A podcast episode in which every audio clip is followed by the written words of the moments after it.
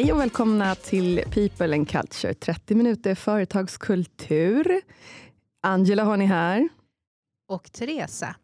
Den här podden är ju sponsrad av Culture by Design som jobbar med att utveckla organisations företagskultur för att skapa mer arbetsglädje.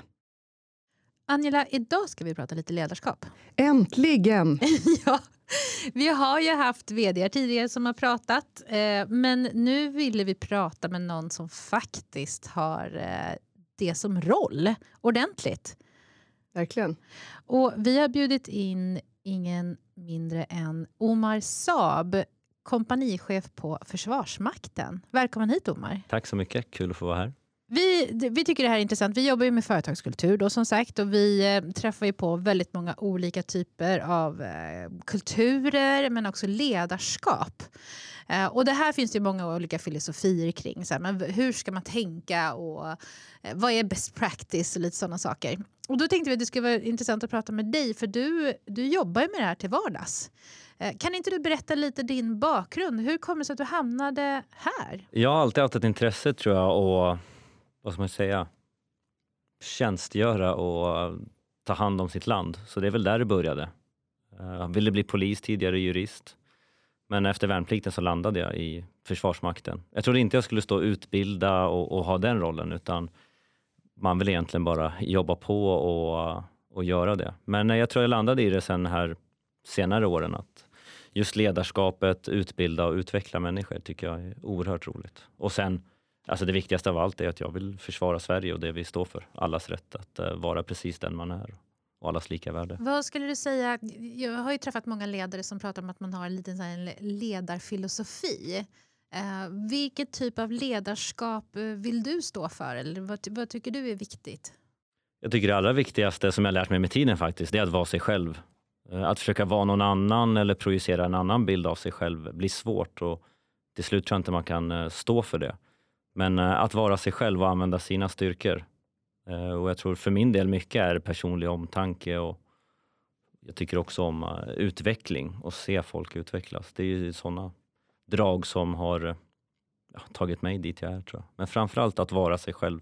Och när, ehm, du pratade ju tidigare om det här med att du faktiskt också du har utbildat dig också och du har haft lite som, som case, vad man ska säga. Eh, kan du inte berätta lite om dem? Vad, var det, vad, vad hade du för uppgift och hur har utfallet blivit? Ja, i, eh, när jag gick skola här för ungefär två år sedan så hade vi två olika uppgifter under de två terminerna som jag gick. Den första var att eh, ta ett ledarskapscase som, som var bekymmersamt på något sätt och diskutera kring den och på något sätt kanske hitta, kanske inte lösningar, men diskutera kring det. Vad kunde man gjort annorlunda och så. Det var det första jag gjorde och, och har baserat det på händelser som har hänt innan. Men det andra var ju egentligen, hur ska jag utöva ledarskap när jag nu kommer till min nya roll? De flesta av oss som gick skola hade ju en ny roll att komma till. Så det var redan bestämt sen innan att du går den här utbildningen för att ta dig an den här tjänsten, så att säga, den här rollen? Den kom under utbildningen, okay. så det ja. var väldigt passande. Eh, vilket gjorde att det blev ännu lättare för mig att göra det, den uppgiften. Då. Och titta på, ja, men vad är det jag behöver göra? Hur ska jag bete mig? För det är ju beteenden där. Hur ska jag bete mig för att det här ska bli så bra som möjligt som kompanichef, då, som var den befattningen som jag fick när jag var klar. Och eh, vad, vad blev det liksom resultatet av det då? När, när du kommer in då och ska jobba med ditt kompani? Jag tror det, det viktigaste tror jag och jag tror det spelar ingen roll om det är Försvarsmakten eller man är, det handlar om att trivas på jobbet. Och att trivas på jobbet handlar inte bara om att man ska skoja runt och så. Jag tror att eh, det jag nådde och kom fram till med mina slutsatser var att det behövs en tydlighet i, i vad vi ska göra eh, med mål, syften. Det ska vara så konkret så att i princip alla kan förstå det och så kan man jobba med enkelheter. Sen är delaktighet, för om man någonstans ska kunna gå åt samma håll tror jag delaktigheten är viktig och få med sig alla. Det handlar inte om bara vad jag tycker som chef. För så som jag ser det, jag fattar ju beslut som chef, men det gör jag genom att inrikta, vägleda, handleda bland annat. Um, och sen ge förtroende och se till att folk tar ansvar. Så de fyra grejerna så vill jag framför mig vara det, typ det viktigaste. Hur i praktiken gör du det här? Har du um, liksom ja, men följer upp? Har du kontinuerliga avstämningar? Hur jobbar du som ledare liksom, för att leva det här? Mm. Ja, men det började med en uppstart. Eh, vi körde en vecka. Vi brukar ungefär köra en vecka. Då har jag förberett eh, ja, men någonstans vad jag vill att vi ska uppnå. Och det gjorde jag då. Hade förberett ett antal saker som jag såg var oerhört viktiga, som var framgångsfaktorer. Ja, men tydligheten, delaktigheten, folk ska må bra. Och sen jobbar vi i våra grupper och tittade på gamla utvärderingar. Vad var det som funkade eller inte funkade tidigare? Hur kan vi omsätta det? Vilka ansvar kan vi fördela ut eller uppgifter så att mer blir delaktiga i verksamheten? Um, och utöver det, liksom uppstarten var någon form av start och början där. Sen tycker jag en sak som är viktig är strukturerade möten. Man har en tydlig agenda, eh, tydlig tid som man ska utföra det här mötet på. Och i slutändan får man någonstans summera den. Vad har vi kommit fram till eller vad har vi kvar att göra? Um, sen eh, är det också, jag tror den stora utmaningen är utvärdering. Man utvärderar väldigt mycket, men hur omsätter man det i framtiden? Jag kan säga att den nöten har jag inte knäckt fullt ut. Men det var en del där vi började titta på hur, hur kan vi göra det? Uppstarten är en sån sak. Då kan man ju slamma upp det som man har gjort kanske halvåret innan. Titta på vad funkade, vad funkade inte, vad behöver vi justera? Och så omsätter man det och det kan man ju omsätta i, ja, om det är att man har mallar, eh, strukturer, processer så kan man ju justera det. Är det någonting som du upplevde, som du hade liksom i tanken innan, så här ska jag göra, som blev mer utmanande eller svårare än vad du trodde i verkligheten? Ja, det är ju faktiskt att få vad ska man säga, att få det att faktiskt hända. Men vi pratade mycket om att låta det som har varit ha varit, titta framåt. Alltså hur gör vi det bra nu och framtiden? Alltså att man inte ska älta. Det kan jag uppleva i början så var det väl lite att folk låg kvar i det. Men jag tror att ju mer man pratar om det, eh, ju fler gånger man säger saker, alltså säger att det ska vara tydlighet genom att vi har mål, vi har tydliga syften, så sätter det sig. Mm. Um, Sen, sen tror jag det viktiga är en sak i taget nästan. För vill man ändra mycket så är det svårt och jag tror att då skapar man inte en tydlighet. Alltså jag blir så himla glad när jag hör dig prata. Det är som att vi så här, by the book, så här, det är så vi skulle prata till våra kunder när vi hjälper dem med att skapa eh, en tydlig företagskultur. Vi pratar mycket om så att arbeta strategiskt med företagskulturen. Eh, och det, det, du pratar om det är ju precis sådana här saker som många organisationer har utmaningar med idag. Eh, vi jobbade ju tidigare och gör det nu också med eh, så här medarbetarundersökningsverktyg. Eh, och eh, där är ju de där alltså, tydlighet, uppskattning omtanke, tillit, allt sånt där som, som man brukar ha utmaningar med. Så det, ja, det är intressant också att höra. Eh, någonting som jag också fångade upp det var det här när du sa det här med strukturerade möten. För där, det har ju du och jag pratat om många gånger Angela, eller hur? Mm. Att det är väldigt vanligt att eh, företag eh, inte ser på det här forumet på det sättet. Och det är otroligt viktigt.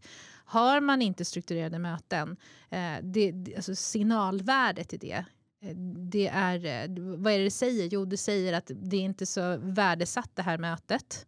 Ehm, det är inte, vi respekterar inte varandras tid. Eh, det är många saker där. Och så många gånger så blir det snarare med att man har ett en samtalsforum snarare än att man kommer till beslut. Och därför behövs det strukturerade möten. Eh, och det märkte vi också. Vi jobbade med, med en ledningsgrupp, det var ju några år sedan nu, eh, där det blev väldigt tydligt. Eh, vi satt med till och med på ett möte, kommer du ihåg det Angela? Eh, och där blev det så tydligt, att, alltså, för de hade pratat om innan också, så att mötena drog ut på tiden, det var vissa som kände sig överkörda och, och, och liksom, det hade snarare blivit en sån här en tystnadskultur och locket på lite grann. Men det vi såg sen det var bara bristen på struktur. För att man har inte skapat förutsättningar för att folk ska kunna känna sig eh, liksom, lyssnade till. Eh, och vissa var inte ens med på mötena för att de, de visste att det alltid drog ut på tiden. Så det är bara en sån sak, en sån liten sak kan göra en sån stor skillnad. Jag tänker väldigt mycket på det du säger också, att när du pratar kring det här delaktighet och vad du tycker är viktigt, så, så pratar du också om hur. Alltså, inte bara det är viktigt med delaktighet, det liksom, du pratar om ja, men på vilket sätt ska du uppnå det. Liksom, du har tänk, tänker steget längre. Eh, jag är lite nyfiken, så här, du pratar också om, du gillar ju det här med att utveckla människor. Va, hur ser du på utveckling? Vad är det för dig? Liksom? En jättestor fråga. Men jag tror att det handlar om att se resultat. Alltså att se andra göra ett resultat. Det, det kan ju vara att man märker något i personlig mognad. Det är kanske ganska diffust. Men framförallt tror jag att de får lösa uppgifter och i vissa fall misslyckas och det ska vara okej. Okay, och så lär man sig av det. Eller att man lyckas med det. Och jag tror en sak som, som är viktig, som jag, jag tror, hade jag inte gått skola och fått tiden att reflektera, hade jag bara klivit in i den här rollen, så hade jag nog varit den som la mig i. Men jag tror mer på att försöka beskriva någonstans, vad är det vi ska uppnå? Så rama in det. Vad är det för syfte? Och har man möjlighet att ge resurser så gör man det. Sen är det upp till individen, gruppen, vem det nu är, att jobba vidare med det. Man kan vägleda och stötta och sen återkoppla. Och det är lite det av handledningen. Och, och där kan man finnas med och, och, stötta med erfarenhet. Men att man... Jag tror mycket på kreativiteten. Mm. För det, det är något som gör att folk trivs. Och det handlar inte riktigt om att släppa folk så att de får göra vad de vill. Det är fortfarande inom ramen för uppgiften och, och vad som, ja, regler och allt som finns där. Jag tror det är väldigt viktigt. Vi såg faktiskt en studie på det här, att just eh, vad som en faktor som motiverar oss människor till att gå till jobbet är ju, eh, man kallar det för play på engelska, möjligen lekfullhet på svenska kanske, men just det här att man, vad det handlar om är att få prova, testa, att få liksom testa idéer, det som du säger, kreativitet. Eh, så jag tror att det ligger väldigt mycket i det, att känner man att man kan få liksom, i alla fall åtminstone gehör för sina idéer och sen så kanske de inte alltid går att implementera i verkligheten, men att få, liksom, få bolla dem eller få liksom, ja, höra och testa och få lite eh, reaktioner på det. Eh, det tror jag mycket på. Men jag tänker på en sak, eh, jag vet inte om du stöter på det här, men, men jag, jag, kan tänka mig att det kanske finns en, en fördom eller en förutfattad mening om att det kanske är ganska strikt ledarskap inom eh, det militära generellt. Ehm, men det du pratar om, det man hör dig prata, är ju inte så, utan du pratar ju verkligen om att se individen och hela. Är det vanligt, tror du, att folk har den uppfattningen? Ja, det uppfattar jag. De många jag pratar med tror att det enda vi gör är att stå och skriker och tvinga folk att göra armhävningar. Ja, men det är ju den bilden som kommer i serier och filmer och, mm. och kanske ligger kvar. Men jag tror det som att vara strikt, det kan man vara när det väl behövs. Säg att jag talar till hundra personer. Ja, men då behöver det ändå finnas en viss strikthet, en tydlighet. Um, så om man sitter så här vi tre, då kan man vara väldigt lugn och liksom prata i lugn och ro och inte behöva ha den striktheten. Och jag tror eh, man måste nog välja eh, när man är strikt och för vilken, vilket syfte man är strikt. Vissa saker måste vara strikta för att det är regler som måste följas. Mm. Och så. Sen, så jag tror att det är en stereotyp eh, och det är viktigt att använda den rätt. Mm. Vi pratar ju ibland om det här vikten av att markera mot oönskade beteenden när man ska liksom, eh, forma kultur. och liksom att Det gäller ju också att markera när någon agerar eh, liksom, ja, men gör, gör någonting som faktiskt inte är okej. Okay. Eh, och, och, det brukar finnas lite olika uppfattning där. Ska man liksom, hur, skulle du förhålla dig till det? Skulle du ta, ta en sån sak inför hela gruppen? Eh, tar du det individuellt eller tyck, gör du både och? Va, vad ser det, hur ser du ut på det? Jag gör både och. Eh, ibland så är man tvungen att markera där och då så att de som är runt omkring förstår att det här var inte okej. Okay. Vissa saker kanske man ser men man upplever att okay, den här är inte, det här är ingenting jag behöver ta i storforum utan jag kan ta det med individen senare. Tänk på vad du sa, tänk på hur du uppträder. Eh, tänk på vilka som sitter runt omkring dig. Det är folk som ser upp till dig bland annat. Du bör tänka på hur du uppträder. Så Det finns två delar i det. Och då, då menar jag inte att skälla ut individen utan man kan bara markera. Det där var inte okej. Okay. Så håller vi inte på med. Och det måste man kunna göra. Och det ska inte bara vara en chef. Det är en stor utmaning. Det är ju att få folk att våga. Eh, det finns ju en del jag tycker är viktig, att folk ska våga eh, ta tag i, i nya uppgifter. Alltså en positiv stressord, det är en sak. Den andra är ju den svåra och det är att säga ifrån. Så säga ifrån när någon gör fel. När det är jobbigt, exempelvis när jag mår dåligt och jag inte klarar av det här.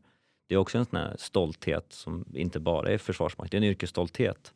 Men man måste också kunna säga det att eh, chefen, nu, eh, nu mår inte jag bra.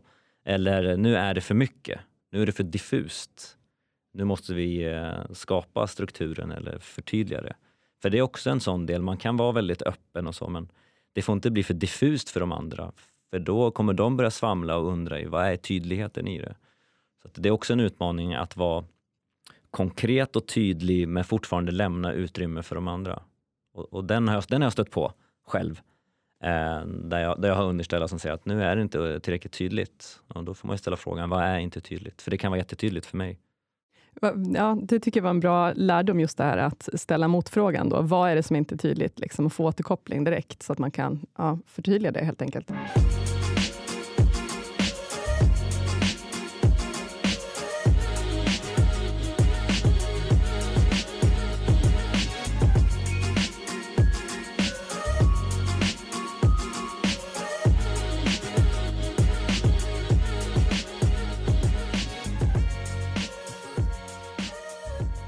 Tänker jag också, din, din bakgrund, du har ju en lång, många år inom Försvarsmakten.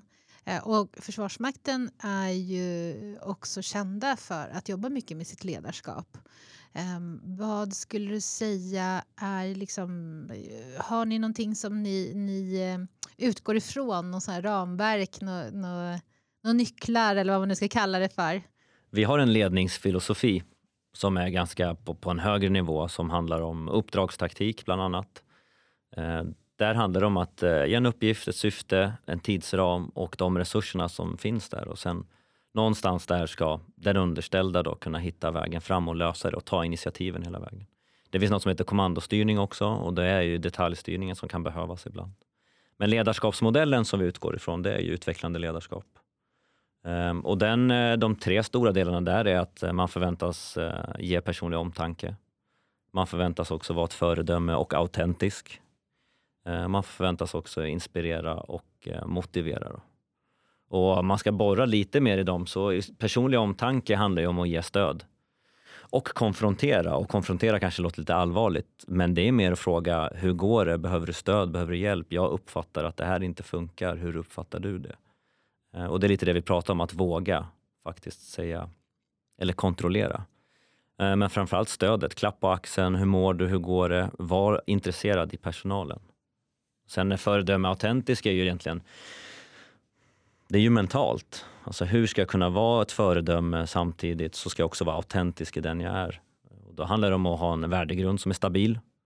Eh, att kunna vara en förebild och att det, det finns ett ansvarstagande. Och sen ha självtillit och det är den som är det svåra. Det tar, för vissa tar det lång tid att bygga upp den här vad ska man säga, självkänslan och självtilliten att jag är duktig, jag klarar av det här. Istället för att ha en massa osäkerheter. Jag gillar autentisk, att det var mm. med. Det, det, det är något vi brukar prata ganska mycket om också. med för det, det, finns ju en så gammal eh, som, idé om ledare som fortfarande tyvärr lever, lever kvar lite grann. Att man ska vara så stor och stark, ha alla svaren, man ska inte vara så, liksom, man ska inte visa sig sårbar på något sätt. och så där. Men, eh, men samtidigt så finns det mycket studier som visar att man följer folk man kan identifiera sig med. Eh, och att vara autentisk då är ju väldigt starkt kort för att man ska känna att det här är en person som jag kan bygga förtroende till, tillit till. Det, det lyser igenom ganska starkt när man inte är sig själv. Det, det är väldigt tydligt. Och framförallt många yngre som kommer och ska stå och utbilda framför ganska många, man kanske inte har gjort det innan. Då är det lätt att luta sig tillbaka till en stereotyp eller till någon, eh, någon som kanske har utbildat mig tidigare. Det behöver inte vara ett rätt beteende, men det är ett beteende jag känner igen som jag kanske tyckte var okej okay då. Och det är det svåra. Det jobbar jag, jag, jag försöker vara tydlig med det. Jag vet inte hur tydlig jag är, men var dig själv, spela på dina styrkor. Men om din styrka är att inspirera och motivera, alltså delaktighet och liksom få fram kreativiteten, då är det din främsta styrka. Det är den du ska jobba med hela tiden. Um, är jag inte den bästa på att ge stöd och konfrontera, ja, men jag, jag får jobba med den. Uh, men det viktiga är att jag tar de styrkorna jag har, som jag vet jag är riktigt, jätteduktig på, och, och jobbar med dem. Och det andra, det, får, det kommer successivt. Jag läste den här boken Riv, Rivpyramiderna som eh, Janne Karlsson har skrivit, som en gammal SAS-VD. Eh, han beskrev i början när han klev in som VD, att han lekte chef. Han, han, han liksom hade den här slipsen och satt och liksom, eh, bara donderade och liksom bestämde hit och dit och tyckte precis det att han skulle ha alla, alla svaren och så där, tills det var någon, någon gammal kollega till honom som sa, vad håller du på med? Eh, som konfrontade honom och var liksom, men du, liksom, du fick ju den här rollen för att, för att du är du. Liksom, för att du, nu sitter du och leker någon annan. Eh, och Det var liksom hans uppvaknande i att, eh, ja men vänta nu, precis där, att vara mig själv räcker ganska långt. Eh, och vi vet ju flera av Sveriges bästa arbetsplatser jobbar ju faktiskt med att, att erbjuda personlig utveckling eh, till sina ledare, för att man förstår att det är så viktigt, där som du säger, att man, man är trygg i sig själv, eh, för att man också ska kunna sprida trygghet till andra. Och jag tänkte också på den här grejen med att, att just att, att, ha en ledarfilosofi är ju otroligt viktigt också. För att många organisationer som vi har stött på de har en ledarbeskrivning, en arbetsbeskrivning för vad man förväntas eh, prestera och göra, alltså ansvar, mandat som man har.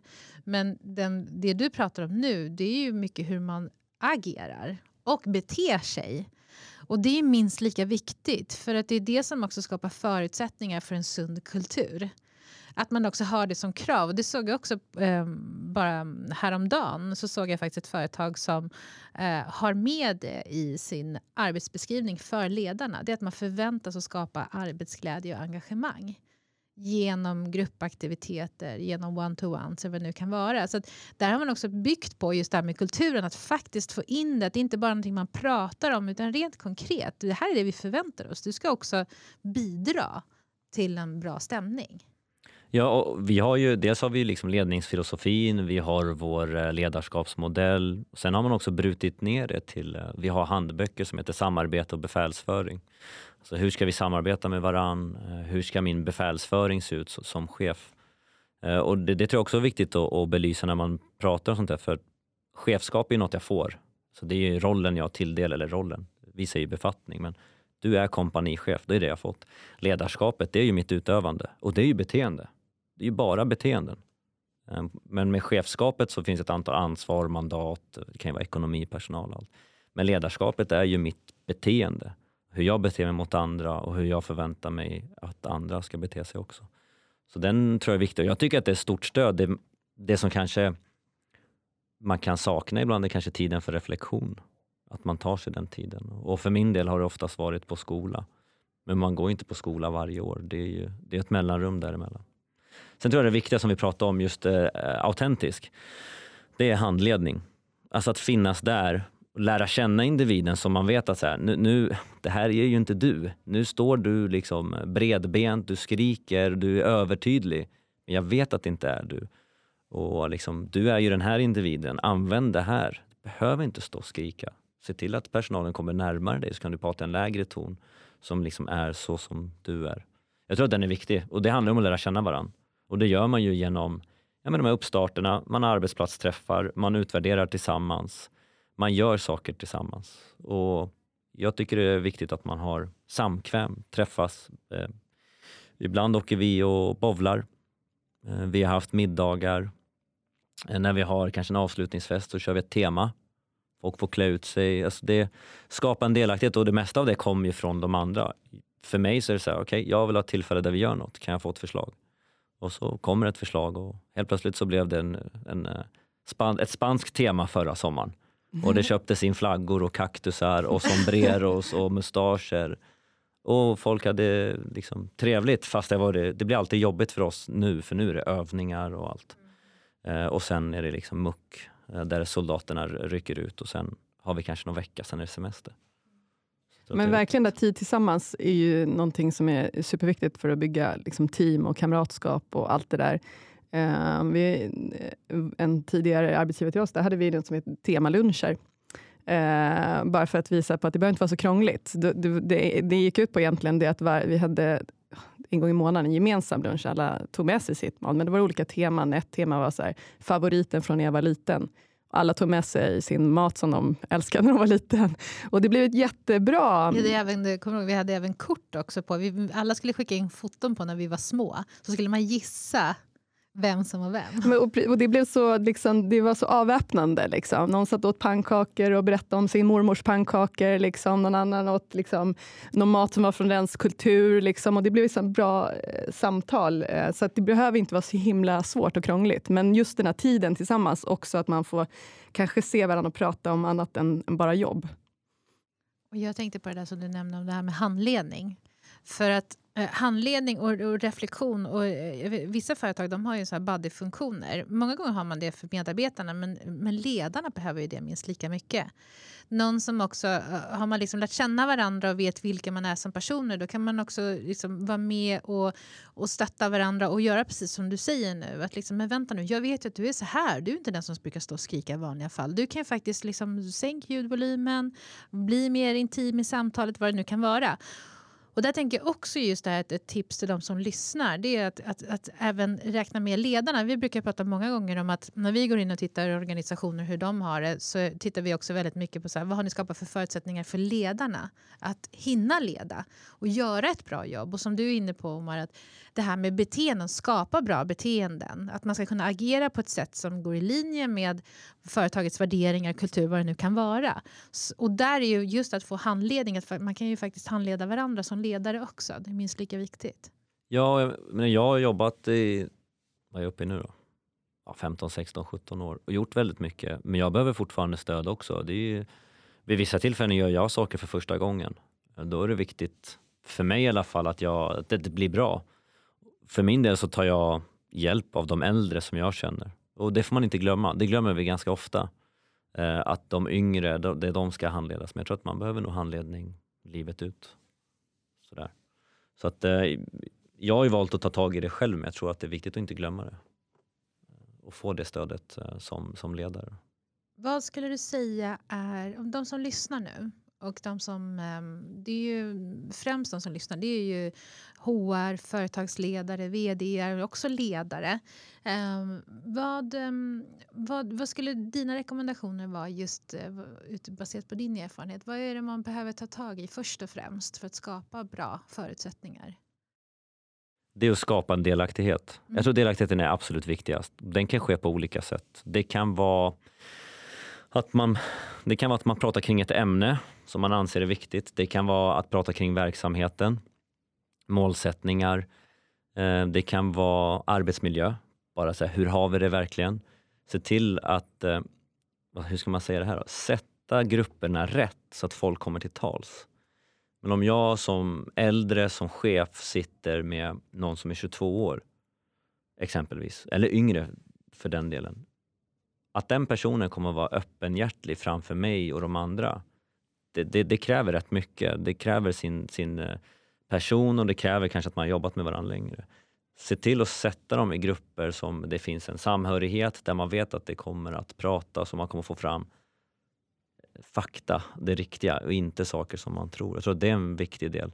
Så när man sätter ihop sina bikuper så ska man sätta ihop dem på ett sätt som gör att man får ut eh, rätt fakta om man säger så. Det tror jag är jätteviktigt. Och jag, har jag tror gått... att det är väldigt vanligt att folk inte tänker så. Ja, och jag, jag har ju själv märkt det när vi sitter eh, i ledningen och vi har lite yngre folk där som är, dessutom är nya. Det kommer inte ut ett ord från den personen. Spelar ingen om du frågar, då kommer den säga jag håller med alla andra. Då är det bättre att dela upp det. Är det så att eh, det finns en, en del som är yngre eller som är av en annan kategori exempelvis. Vi har ju liksom officerare, specialistofficerare och sen soldater ja, men sätt till exempel soldaterna tillsammans då. Om man eh, nu vill få ut vad deras tycke är, då kommer man få ut rätt svar, alltså det är det faktiska svaret. Det innebär då också att eh, som chef kan man ju då fatta beslut på rätt underlag. Så man ska inte anta saker. Så vill man veta det, då ska man ställa frågorna, se till att sätta ihop grupperna så att det kommer en bra diskussion och att faktan kommer ut. Och viktigt att tänka på, vart sätter man cheferna? För sitter en chef där, det helt, automatiskt så förväntas ju chefen säga något. Och vi agerar ju direkt och ska börja prata.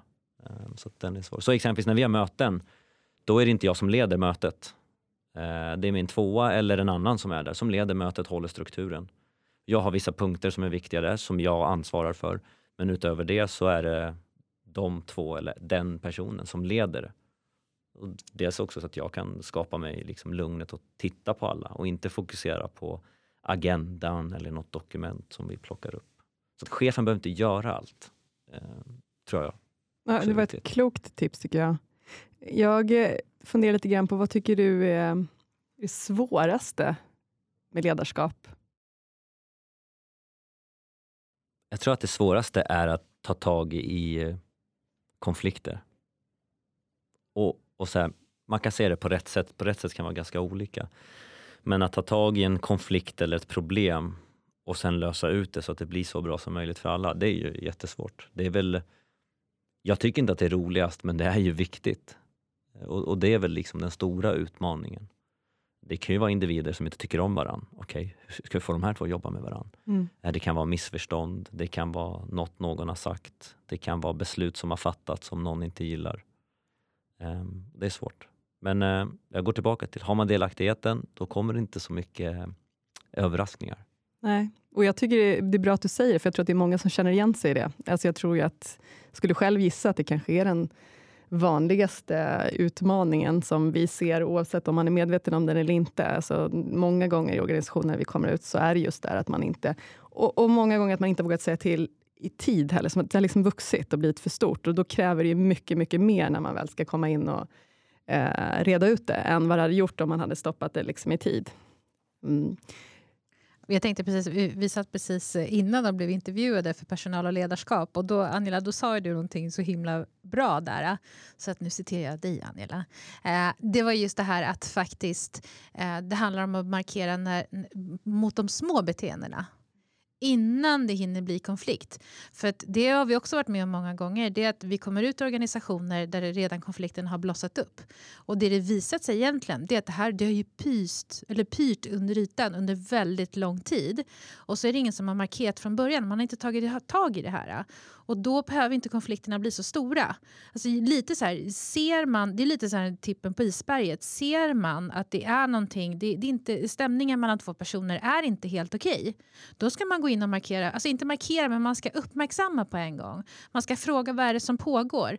För att vi hade ju ett sånt konkret fall faktiskt där, där det, det var en eh, hos en kund där det var verkligen, det bara blossade upp helt. Det blev öppen konflikt, folk kan inte sitta på kontoret tillsammans. Det var verkligen så här superilla mellan två personer. Men det, det visade sig sen då när vi började prata kring det här, det att det har ju pågått under lång tid och man har känt av spänningar, man har märkt att det är vissa saker, lite ton, lite sånt där. Alltså går man in mycket tidigare då blir det lättare att hantera en konflikt än när det blir så där infekterat. Det, det, är viktigt att agera och jag menar i vissa fall kan det bara vara så här, gå och prata med individen. Varför går du och föreställer dig att det här är en sanning? Gå och prata med individen. Och um, dels försöker, jag försöker göra mycket. Jag är, tycker jag är social så jag kanske pratar för mycket ibland. Men vissa drar sig för det, tycker det kanske är jobbigt. Eh, och ändra får man ju sitta med i samtalet eller så får man ju liksom agera och säga att gå och prata med individen bara. Min uppfattning är att det här inte är, det är inte ett problem. Eller det kan vara ett missförstånd. Ehm, och då liksom hanterar man ju det innan det blir stort och det faktiskt blir ett problem. Där, där liksom två eller fler personer inte kan jobba med varandra. Ja, precis, och insatsen är ju desto mindre om man tar i början. Alltså det, är det. det kanske inte kräver lika mycket eh, från en. Alltså det kan vara en liten markering eller ett litet liksom, enkelt samtal, men när det väl eskalerar sen, ja, men då kanske man behöver sitta och jobba ja, med den här konflikten hur länge som helst och det är en stor grej. Ehm, um, Vår tid har runnit ut. Redan? Ja, ja. Jag tänker så varje gång. Så, nej, jaha, okay.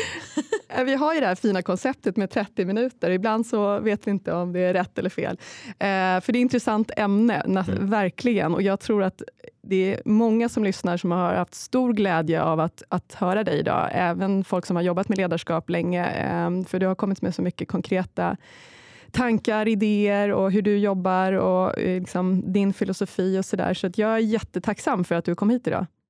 Ja, stort tack Omar. Och eh, ni som lyssnar, eh, har ni frågor till Omar så kan ni mejla in till hello at culturebydesign.se så skickar vi det vidare.